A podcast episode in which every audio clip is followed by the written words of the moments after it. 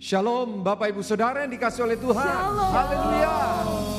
Tuhan memberkati kita dengan penuh sukacita kita beribadah. Mari Bapak Ibu sekalian, satukan hati kita berdoa, minta supaya Tuhan memberkati rangkaian ibadah kita pada hari ini. Mari kita berdoa. Kami percaya di dalam nama Tuhan Yesus, Tuhan hadir di mana kami beribadah. Tuhan memberkati seluruh rangkaian ibadah kami dengan berkat yang melimpah dan sempurna. Hamba-hambamu yang siap melayani, membimbing kami, menuntun kami dalam ibadah pada hari ini Tuhan berkati urapan roh kudus atas kami semua. Terima kasih Tuhan, kami bersyukur untuk berkatmu hari ini. Kami siap beribadah di dalam nama Tuhan Yesus. Haleluya bersama katakan Amin. Selamat beribadah. Uh, boleh kasih tepuk tangan yang paling meriah buat Tuhan Yesus saudara.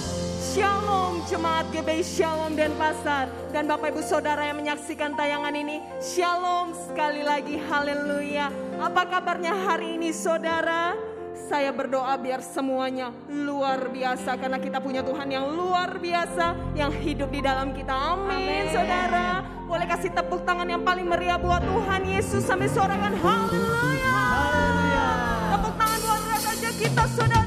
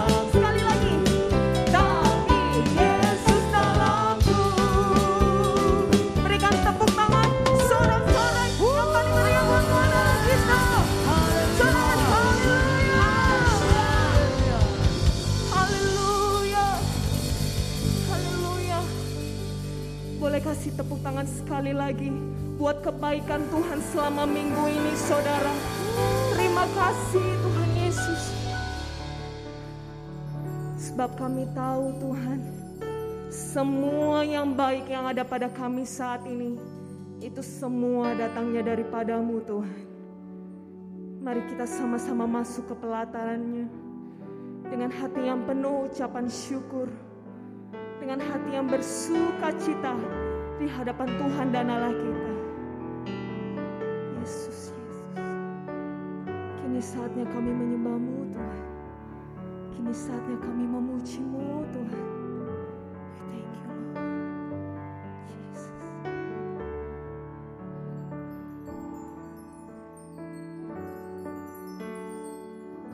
sama-sama nyanyikan pujian ini, saudara. Katakan, kinilah saatnya. Ini saat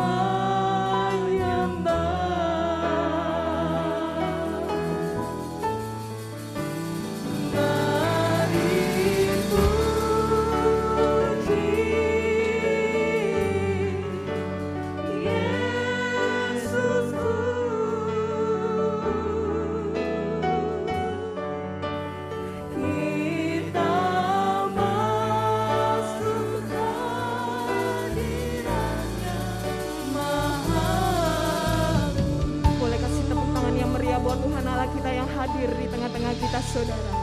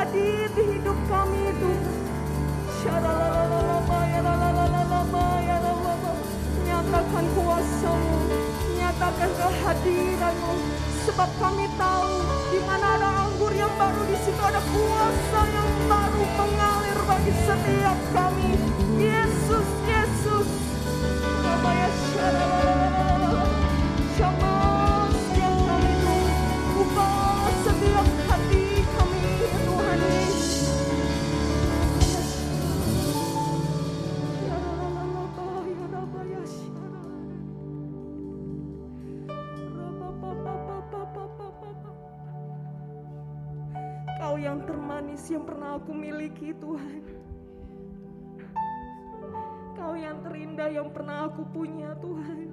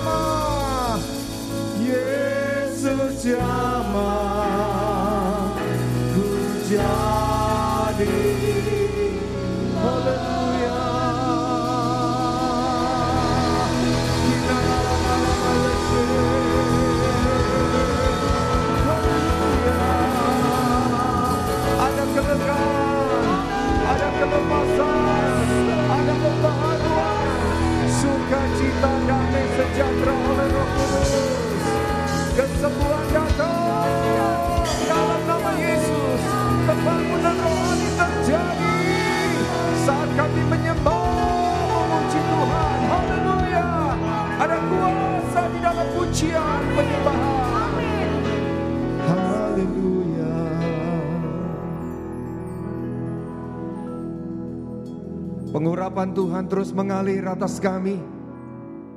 Juga atas hambamu ketika firman Allah disampaikan. Roh Kudus bekerja tanpa batas. Di mana saja umatmu beribadah. Sekalipun lewat jaringan internet. Roh Kudus bekerja kuasa Tuhan nyata. Mari Tuhan bekerja lebih lagi.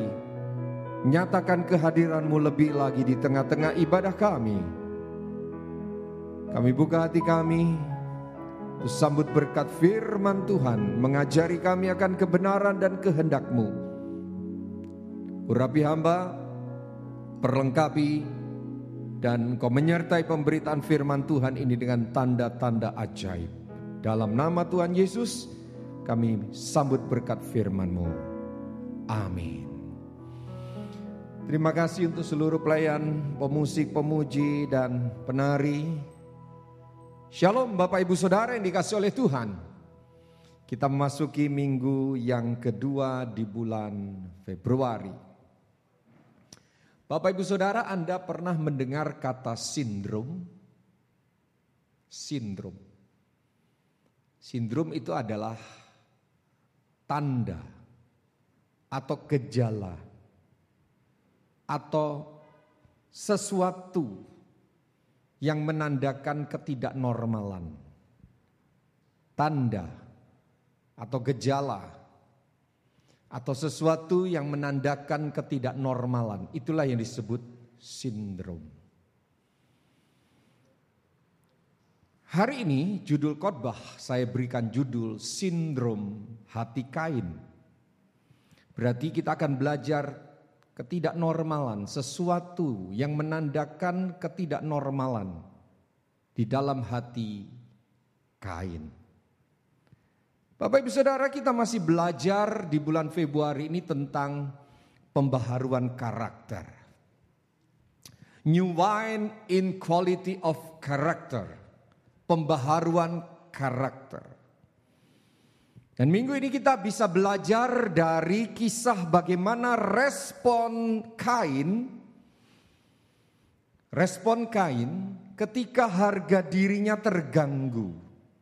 Ketika dia merasa diperlakukan tidak adil sehingga muncul respon tertentu dan itu yang saya sebut dengan sindrom hati Kain. Bapak Ibu Saudara, ayat yang mencatat tentang kemarahan Kain hingga kemarahan itu bermanifestasi akhirnya berwujud sampai kepada tindakan membunuh Habil adiknya. Dan itu dicatat jelas oleh Alkitab. Itu yang saya sebut dan kita akan sama-sama pelajari sebagai sebuah sindrom, sebagai penanda, gejala atau sesuatu yang menandakan ketidaknormalan di dalam hati Kain. Dan Bapak Ibu sekalian, seperti apa sindrom hati Kain itu? Ingat, Bapak Ibu sekalian, sindrom itu menggambarkan karakter Kain. Respon Kain itu adalah karakternya. Dan kita akan pelajari lebih mendalam, mari baca nats utama. Kejadian 4 ayat 3 sampai dengan 9. Kejadian pasal yang keempat ayat 3 sampai dengan 9. Demikian firman Allah.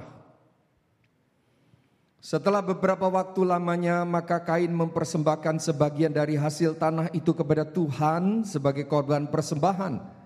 Habil juga mempersembahkan korban persembahan dari anak sulung kambing dombanya yakni lemak-lemaknya maka Tuhan mengindahkan Habil dan korban persembahannya itu, tetapi Kain dan korban persembahannya tidak diindahkan Tuhan. Lalu hati Kain menjadi sangat panas dan mukanya muram. Ayat 6. Firman Tuhan kepada Kain, mengapa hatimu panas dan mukamu muram? Apakah mukamu tidak akan berseri jika engkau berbuat baik? Tetapi jika engkau tidak berbuat baik, dosa sudah mengintip di depan pintu. Ia sangat menggoda engkau tetapi engkau harus berkuasa atasnya. Delapan. Kata Kain kepada Habil, adiknya, marilah kita pergi ke ladang. Ketika mereka ada di padang, tiba-tiba Kain memukul Habil adiknya itu, lalu membunuh dia. Ayat 9 firman Tuhan kepada Kain. Di manakah Habil adikmu itu? Jawab Kain, Aku tidak tahu apakah aku penjaga adikku. Nats yang kita baca ini Bapak Ibu Saudara menunjukkan sindrom hati Kain. Sindrom hati, hati itu bisa bicara juga sifat, karakter Kain yang buruk, yang jahat. Dan dari Nats ayat 3 sampai dengan 9 sangat menarik untuk kita expose, untuk kita teliti dan mendapatkan mutiara-mutiara kebenaran tentang sindrom hati kain ini yang berkaitan dengan pembaharuan atau perubahan karakter seperti subtema bulan Februari ini. Bapak Ibu sekalian, karakter yang buruk itu menghalangi berkat Tuhan. Sindrom hati kain ini adalah penanda hati kain ini buruk. Penanda bahwa hati kain ini jahat. Dan jika ada orang-orang yang punya sindrom hati seperti Kain, sayang sekali. Tahun ini dia tidak berubah, maka tahun ini dia tidak akan menikmati new wine, anggur yang baru itu. Baik itu berkat rohani, berkat jasmani, dan berkat di dalam jiwanya. Nah, Bapak Ibu sekalian kita akan pelajari sindrom yang pertama dari hati Kain. Sindrom yang pertama adalah tidak mengakui keadaan hatinya tidak mengakui keadaan hatinya. Ini sindrom yang pertama yang nampak pada diri Kain. Bapak Ibu Saudara tidak mengakui, saya juga artikan menutup-nutupi. Kata yang lebih ekstrim adalah munafik. Munafik itu kan mencoba menutupi apa yang asli di dalam yang buruk dengan tampilan kepribadian yang baik itu munafik. Jadi sindrom pertama pada diri Kain adalah tidak mengakui keadaan hatinya. Ayat 5 kita baca ulang. Tetapi Kain dan korban persembahannya tidak diindahkan Tuhan. Lalu hati Kain menjadi sangat panas, sangat marah, sangat bergelora, to be hot, panas dan mukanya muram. Ayat 5 menunjukkan bagaimana Kain meresponi keadaan yang sedang terjadi, yaitu responnya dengan respon kemarahan. Ya, itulah karakternya. Kemarahan itulah karakternya, itulah respon dan itulah karakternya. Tapi Bapak Ibu kita setuju ya, tidak selalu marah itu dosa. Tapi marah yang tak terkendali, marah yang tidak sesuai dengan Alkitab, itu akan berujung kepada dosa. Dan kemarahan seperti Kain adalah kemarahan yang berpotensi kepada dosa dan kalau kita ikuti kisahnya dan memang benar itu berpotensi jatuh ke dalam dosa. Nah, peringatan Tuhan ketika Kain uh, marah, hatinya panas, mukanya muram, peringatan Tuhan ayat yang ke-6. Ini kata Tuhan. Firman Tuhan kepada Kain, "Mengapa hatimu panas dan mukamu muram?" Bapak Ibu dalam teknik counseling ini disebut pertanyaan terbuka, open question. Ya. Pertanyaan tertutup adalah kamu panas ya? Jawabnya ya atau tidak dan itu dijauhkan dari proses counseling. Ini adalah pertanyaan terbuka. Mengapa hatimu panas dan mukamu muram? Tuhan tahu kain panas, Tuhan tahu mukanya muram, Tuhan tahu penyebabnya. Tapi dalam proses counseling ini adalah pertanyaan yang sangat berbobot dan Tuhan adalah counselor agung kita. Mengapa hatimu panas dan mukamu muram? Ayat 7. Apakah mukamu tidak akan berseri jika engkau berbuat baik? Tetapi jika engkau tidak berbuat baik, dosa sudah mengintip di depan pintu. Ia sangat menggoda engkau, tetapi engkau harus berkuasa atasnya. Bapak ibu saudara tidak mengakui atau tidak jujur atas keadaan hati yang buruk itu sama dengan membuka celah bagi iblis. Makanya Tuhan bilang begini, dosa sudah mengintip di depan pintu hatimu. Dan dosa itu penggoda yang luar biasa. Iblis akan memperburuk situasi sehingga kamu jatuh dalam dosa. Oleh karena itu, jika seseorang seperti Kain tidak mengakui keadaan hatinya dengan jujur, menutup-nutupi keadaan hatinya dengan jujur, eh, dengan uh, sengaja, maka itu adalah celah di mana dosa masuk, iblis memperburuk keadaannya. Bukan kata di Tuhan bilang ayat yang ke-27. Kamu harus berkuasa atasnya.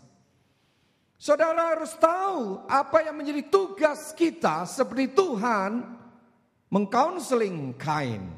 Seperti Tuhan memberikan pertanyaan kepada Kain. Seperti Tuhan mencoba memunculkan sebuah insight pada diri Kain. Apa yang harus dia perbuat ketika dia marah, ketika sikon, situasi kondisi membuat panas hatinya. Tuhan tidak menjauhkan godaan itu, Tuhan tidak menjauhkan situasi yang tidak nyaman itu, tapi Tuhan ingin Kain punya karakter yang lebih baik. Kain harus punya respon yang lebih baik. Inilah yang Tuhan mau bahas minggu hari ini untuk kita semua. Bagaimana kita mengalami pembaharuan karakter. Karakter itu bisa menjadi semakin buruk kalau kita tutup-tutupi keadaan asli hati kita. Bapak Ibu sekalian, jangan anggap tidak mengaku atau menutup-nutupi atau tidak jujur terhadap hati itu hal biasa. Jangan anggap biasa. Orang yang tidak jujur dengan keadaan hatinya, orang yang tidak mengakui keadaan hatinya, hati-hati. Kalau saudara ingat di kelas saya pengikut Yesus atau SPY, saya mengajar pada sesi kesembuhan batin. Sembuh dari luka masa lalu. Salah satu poin yang saya sampaikan tentang bagaimana sebuah skema orang memahami dirinya sendiri. Ada empat skema. Dan salah satu skemanya adalah orang yang menutup-nutupi keadaan hatinya. Bahasa yang lebih ekstrim adalah munafik. Itu masuk dalam skema dia tahu tapi orang lain tidak tahu. No, to self unknown to others. Dia tahu dirinya sendiri, tapi dia coba tutupi sehingga orang lain unknown, sehingga orang lain tidak tahu. Dan ini adalah skema dalam spiritual formation yang saya sempat ajarkan. Dan kita harus sadar ketika kita berada di area no to self. Saya sendiri tahu saya sedang marah tapi saya mencoba tutup-tutupi dan itulah kemunafikan sehingga orang lain tidak tahu itu bahaya. Area ini adalah area yang menghalangi orang mengalami perubahan karakter. Atau hidden, skemanya itu masuk kepada skema hidden. Kalau saya tidak tahu, orang lain tidak tahu itu namanya blind.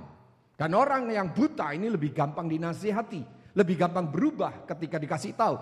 Tapi ketika orang itu sengaja hidden, sembunyikan, munafik. Ini lebih sulit untuk berubah. Inilah sindrom pertama pada diri Kain. Kalau kita merasa kita mulai punya kecenderungan berbuat dosa, dosa apa saja, maka hari ini saya katakan cepat akui. Anda bisa mengaku kepada orang yang sangat dekat dan bisa jaga rahasia pengakuanmu.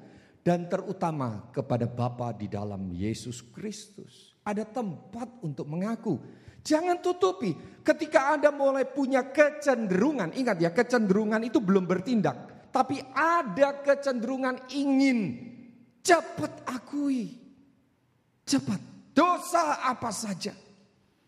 Dan jangan sampai saudara Anda diam lalu iblis tahu ada celah dia akan serang hidupmu. Dan ini penting sampai-sampai Tuhan pun menegur Kain. Ayat 6 dan ayat 7 tadi itu. Diingatkan supaya kain paham betul ini adalah sindrom yang berbahaya. Marah, panas, mukanya muram. Karena merasa diperlakukan tidak adil. Karena merasa harga dirinya terganggu, adiknya lebih dihargai kira-kira begitu. Saya kakak kok malah dipermalukan kira-kira begitu. Ini adalah respon dan respon itu adalah karakter. Kalau Anda ingin berubah, belajar akui keadaan hatimu. Sekecil apa pun sindrom buruk itu, cepat mengaku supaya jangan jadi kayak kain. Sindrom yang kedua. Kita belajar dua sindrom saja. Sindrom yang kedua adalah pada diri kain setelah menutup-nutupi dan tidak mengakui keadaan hatinya, maka langkah yang kedua yang lebih buruk adalah mengeraskan hati. Dari menutupi keadaan hatinya, tidak jujur, munafik, setiap hari dibangun, maka dia akan menjadi orang yang keras hati. Pada fase mengeraskan hati, berbuat dosa atau melanggar firman Tuhan tidak lagi dirasa sebagai sesuatu yang bermasalah. Hati-hati. Saya ulangi. Pada fase mengeraskan hati, melanggar firman Allah atau berbuat dosa tidak lagi dianggap sebagai masalah. Dan ini adalah respon yang berbahaya. Dan saya beritahu kepada kita semua, saya mau ingatkan kepada kita semua, mengeraskan hati atau hati yang mengeras yang adalah sindrom kedua dari hati Kain, ini tidak terjadi tiba-tiba seperti air yang Anda masukkan ke dalam kulkas freezer, air itu akan berproses dengan waktu menjadi keras. Namanya es batu. Itu bisa memecahkan kaca kalau kita lemparkan ke kaca karena sudah mengeras. Dari menutup-nutupi keadaan hatinya tidak jujur dan munafik sampai kepada sindrom kedua yaitu keras hati. Ini ada proses mengeras. Air yang masuk ke freezer tidak langsung keras, ada proses mengeras satu hari baru menjadi keras. Air itu disebut es batu. Dan saya mau tunjukkan kepada saudara. Hati yang keras pada diri kain ini membuahkan tindakan yang semakin jahat semakin buruk dan ini adalah sengaja dirancang, disengajakan. Dalam bahasa aslinya adalah sengaja meletakkan. Jadi dia sadar betul, sengaja, sengaja mendesain, merencanakan. Dalam bahasa aslinya sengaja meletakkan dalam hati perbuatan yang jahat itu. Kalau ini dalam undang-undang pidana, ini pembunuhan tingkat satu. Direncanakan dan dilakukan dengan sengaja. Hukumannya mati maksimal. Nah ini yang terjadi pada diri Kain. Mari kita lihat ayat 8. Kata Kain kepada Habil, adiknya. Marilah kita pergi ke padang. Ke padang untuk apa? Kebaktian padang, kenaikan Tuhan Yesus. Ini ada rancangan jahat ini. Ketika mereka ada di padang tiba-tiba Kain memukul Habil adiknya itu lalu membunuh dia. Inilah merencanakan pembunuhan. Hati yang keras itu tambah terjerumus kepada perbuatan yang jahat dan dia tidak merasa itu ada sesuatu yang bermasalah dengan hidupnya. Saya mau tunjukkan lebih parah lagi Bapak Ibu Saudara. Bukan saja membunuh adiknya, ya, secara sengaja dia merencanakan menaruh di hatinya perbuatan itu, dia sudah rencanakan dan bukan hanya ini, bahwa sindrom yang kedua ini adalah hati yang mengeras, ini membuahkan perbuatan yang sangat jahat, tapi lebih lagi saudara dengan Tuhan, dia semakin kurang ajar, semakin tidak hormat. Kita lihat ayat 9. Ayat 9, firman Tuhan kepada Kain. Perhatikan ya, frase demi frase. Di mana Habil adikmu itu? Kata Tuhan. Tanya Tuhan kepada Kain. Di mana adikmu itu? Saudara, kira-kira Tuhan tahu nggak Habil di mana? Tahu. Tahu. Sekali lagi ini adalah pertanyaan terbuka mengkonseling seseorang untuk memunculkan insight. Tapi Kain gagal total dalam fase ini. Hati-hati karaktermu yang tahu jelas buruk. Bukan hanya dirimu yang merasa orang lain banyak ngomongin. Kamu masih cuek merasa diri benar. Hati-hati. Lihat tangan saya ini. Hati-hati saya tidak nyukurin saudara ya. Tapi saya ingatkan. Hatimu bisa tambah keras nanti. Nggak ada waktu untuk bertobat. Ini disebut tidak bisa diampuni. Bukan karena Tuhan tidak mengampuni. Nggak lagi mampu bertobat orang seperti ini. Sudah? Oke, Tuhan tanyakan, di mana Habil adikmu? Pertanyaan so simple sekali. Dia bisa jawab kalau dia jujur. Sudah mati Tuhan di padang misalnya. Atau gini, saya membunuh dia Tuhan. Atau saya tinggal di sana tergeletak Tuhan. Selesai kan? Ini kurang ajar sekali saudara. Coba coba jawabnya apa? Coba lihat di Alkitab saudara. Apa jawabnya? Aku tidak tahu.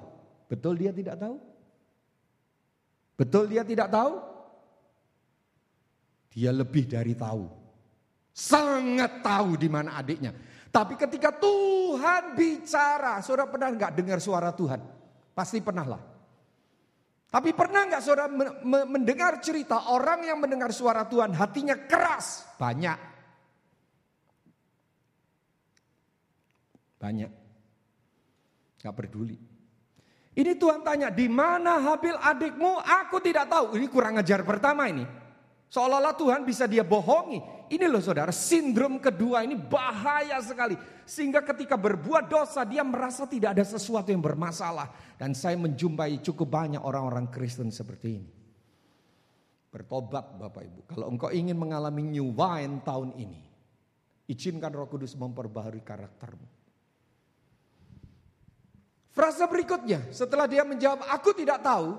Selesai mestinya di Eh, komunikasi itu mestinya udah selesai. Kan Tuhan tanya, di mana adikmu? Oke, Kain menjawab dengan kurang ajar. Aku tidak tahu, mestinya komunikasi itu selesai. Tapi karena Kain sudah semakin jahat hatinya, jawabnya berlebihan dan menunjukkan inilah sindrom kedua yang sangat jahat. Apa dia jawab? Apakah aku penjaga adikku? Ini kurang ajar sekali. Ya. Ini udah keterlaluan. Tuhan sampai dimarahin. Sampai ngomong kasar dengan Tuhan. Apakah aku penjaga adikku? Dengan kata lain begini. Kamu yang jaga Habil Tuhan. Jangan nanya aku. Untung Tuhan itu tidak emosian ya. Kalau Tuhan emosian kain saat itu langsung berubah menjadi belalang saudara. Khotbah ini untuk kita semua. Jangan segel sampingmu itu buat kamu gitu. Nggak usah. Ini buat kita semua. Sindrom pertama menutup-nutupi keadaan hati. Sindrom kedua semakin mengeraskan hati. Buahnya adalah kejahatan yang luar biasa. Membunuh dengan merencanakan. Dan bukan hanya itu, kurang ajarnya tambah sama Tuhan. Bohong sama Tuhan, bahkan protes dengan Tuhan. Emang aku penjaga adikku? Kalau dalam bahasa teologis, engkau kan pencipta, bisa jaga manusia kan? Ngapain nanya aku? Bapak Ibu sekalian, hati nuraninya mati. Ini yang disebut tahap tidak bisa diampuni. Inilah yang disebut tahap tidak mungkin bertobat seperti Kain. Sedangkan bertobat itu metanoia, perubahan, change one mind, perubahan pikiran. Tidak bisa terjadi pada diri Kain. Bapak Ibu sekalian, Alkitab katakan orang yang tidak takut akan Tuhan, dia akan menghalalkan segala cara. Sebaliknya, orang yang takut akan Tuhan menjauhi segala yang tidak halal, yang jahat. Dan dalam diri Kain tidak ada takut akan Tuhan. Saya masuk pada bagian penutup. Bapak Ibu Saudara, bagaimana mengatasi dua sindrom hati ini? Sindrom yang pertama menutupi keadaan hati tidak jujur atau munafik. Sindrom yang kedua adalah semakin mengeraskan hati atau hatinya semakin keras, bagaimana cara mengatasinya? Sederhana sekali. Mari baca Ibrani 3 ayat 15. Ibrani 3 ayat 15. Cara mengatasi dua sindrom ini adalah demikian firman Allah. Ibrani 3 ayat 15 tetapi apabila pernah dikatakan pada hari ini jika kamu mendengar suaranya, hari ini Anda mendengar firman Tuhan ini. Anda mendengar suara Tuhan. Jangan keraskan hatimu seperti dalam kegeraman. Geram itu gini, huh, aku nggak salah disalah no. Huh, aku harus minta maaf masih dihakimi. Huh, aku mau balas, huh, tapi nggak bisa. Itu geram. Jangan kamu keraskan hatimu. Pagi ini engkau dengar suara Tuhan, siang ini, malam ini engkau dengar suara Tuhan. Lembutkan hatimu, izinkan roh kudus mengubah hidup kita. Karakter kita. Dan jangan anggap biasa. Kalau sindrom itu ada dalam diri kita. Sindrom hati kain itu ada dalam diri kita. Jangan anggap biasa. Jangan sampai Anda keraskan hati, nggak bisa lagi bertobat, nggak bisa lagi dapat pengampunan. Contoh sebagai bagian penutup, jika menghadapi situasi yang tidak menyenangkan, apalagi itu menyinggung nama baik, apalagi itu menyinggung gengsi, apalagi itu merendahkan dirinya, entah itu masalah uang, masalah keluarga, masalah nama baik dan lain sebagainya. Bagaimana responmu? Itulah karaktermu dan karakter ini menggambarkan hati. Saya berdoa supaya saudara boleh mengalami perubahan pembaharuan karakter seperti tema di bulan Februari ini. New quality in character. Kita berdoa. Naikkan sebuah pujian Yesus jamah. Lagu sebelum kita mendengar firman Tuhan tadi. Naikkan lagi pujian ini, sembah Tuhan. Roh Kudus menjamah saudara. Tidak usah seorang pendeta datang ke rumahmu, tapi hatimu kau persembahkan dan kau buka. Izinkan Tuhan berkarya. Mari fokus kepada Tuhan. Yesus jamah. Hidupku. Mari buka hatimu, izinkan Tuhan. Dan beri damai di hati. Ubahkan kami Tuhan seperti yang kau mau. Hati yang keras, lembutkan. Yang masa bodoh, yang cuek. engkau di ujung kehancuran. Tapi masih ada waktu untuk bertobat. Akui hatimu. Lagi katakan. Yesus Jemaat oh.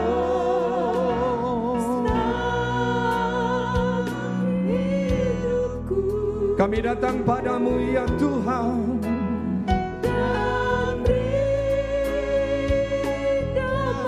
Engkau tahu hatiku, kecenderunganku berbuat dosa. Engkau tahu ubahkanku. Karakterku yang buruk, orang membicarakan karakterku yang buruk. Aku tidak usah salahkan orang lain. Aku harus respon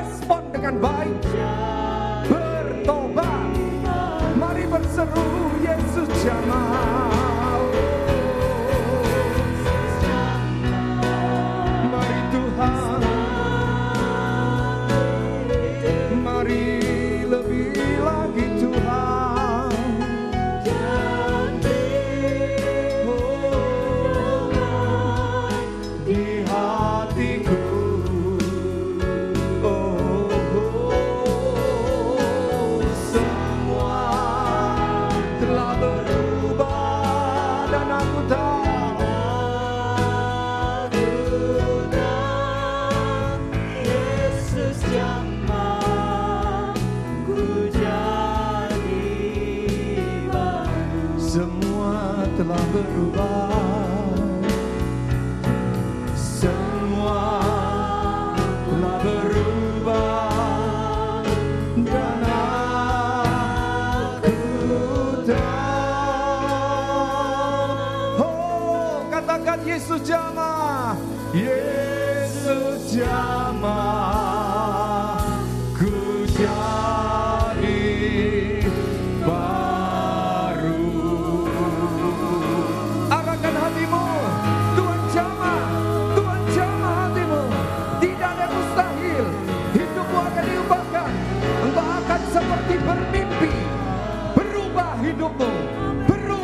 hatimu. Seperti mimpi, engkau akan mengalami perubahan. Dalam nama Yesus, dalam nama Yesus, diubahkan.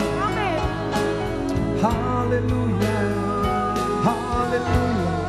Berdamai dengan dirimu, berdamai dengan situasi, berdamai dengan orang-orang di sekitarmu, berdamai dengan pasanganmu, berdamai dengan keluargamu, berdamai dengan Tuhan.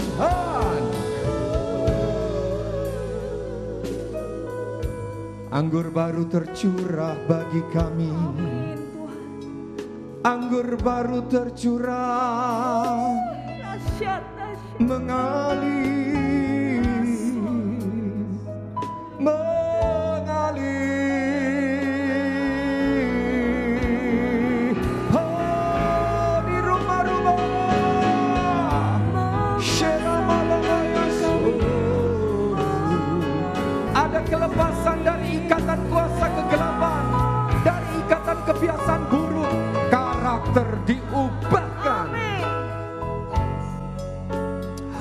Haleluya.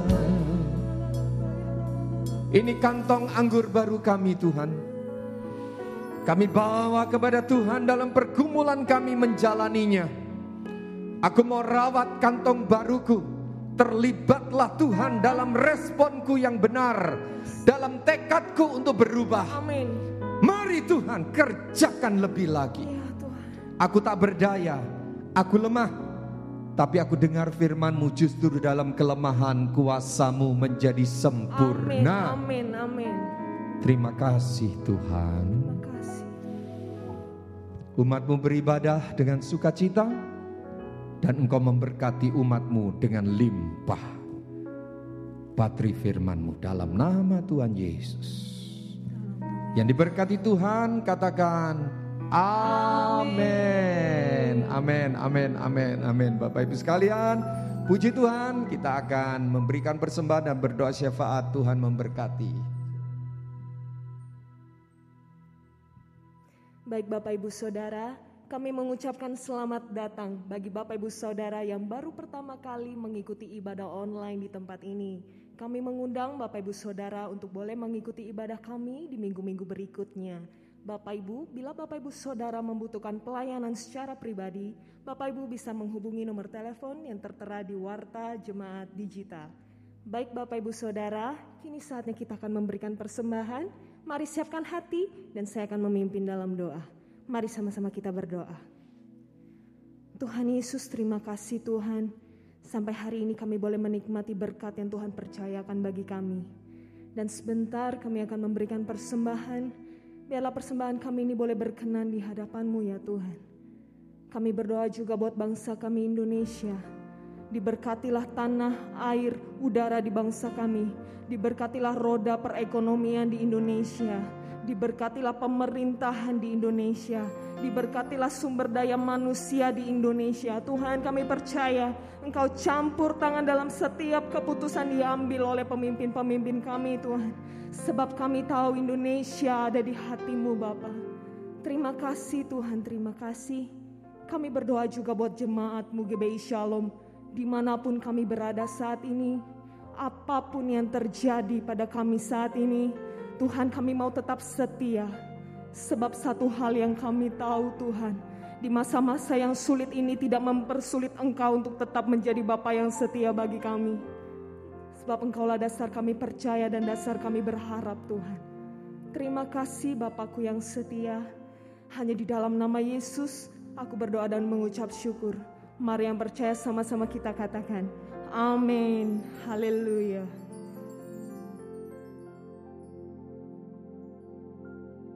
Puji Tuhan Bapak Ibu Saudara, persembahan kita kita bisa berikan lewat transfer, lewat kode persembahan yang ada di layar televisi. Saudara bisa scan, baik persembahan umum untuk misi, untuk diakonia, untuk pembangunan maupun juga untuk persepuluhan.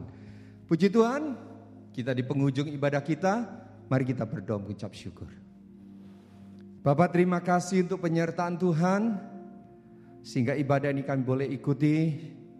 Kami diberkati oleh Tuhan, dan kami bersyukur kami boleh bertumbuh dari hari ke sehari.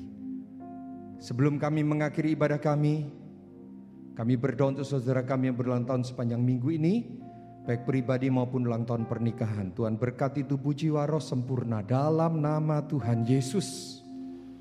Hamba-hambamu, para pelayan Tuhan yang sudah ambil bagian dalam pelayanan ibadah hari ini Tuhan juga semakin urapi, semakin berkati, semakin perlengkapi dalam nama Tuhan Yesus. Dan sebelum kami terima berkat Tuhan, bersama kami katakan terima kasih Tuhan. Engkau sudah menyembuhkan tubuh kami. Amin. Yang sakit sehat, yes. sembuh. Organ-organ tubuh baru bahkan Tuhan berikan. Amin. Aku diberkati dengan kesembuhan. Yes. Aku diberkati dengan kesehatan. Ya. Dalam nama Yesus. Dalam nama Yesus. Satu kata, sembuh. Amin. Segala sakit penyakit dihancurkan. Terima kasih juga untuk pernikahan rumah tangga umatmu.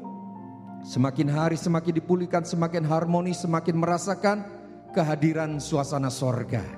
Berkati usaha pekerjaan toko, warung, kantor, bisnis apa pun yang berkenan di hadapan Tuhan. Tuhan berkati umatmu berkelimpahan. Jadi berkat bagi mereka yang susah. Jadi berkat bagi mereka yang sedang mengalami kemerosotan ekonomi bahkan kemiskinan. Dalam nama Yesus. Terima kasih Bapak, kami mohon berkatmu. Mari kasih Tuhan, bagi berdiri dan angkat kedua tanganmu.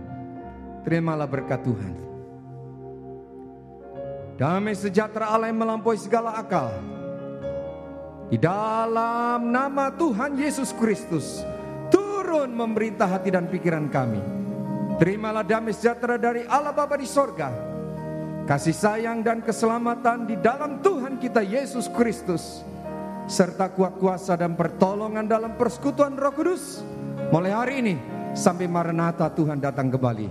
Terimalah berkat Tuhan dengan materai satu nama, Tuhan Yesus Kristus yang diberkati dengan sukacita katakan, Amin, Amin, Amin. Tuhan berkati. Sebab musim yang baru telah tiba dan sudah terjadi saat ini. Yang percaya katakan amin. Anggur yang baru telah tercurah. Curahkan pada kanan kirimu saudara. Katakan ayo lebih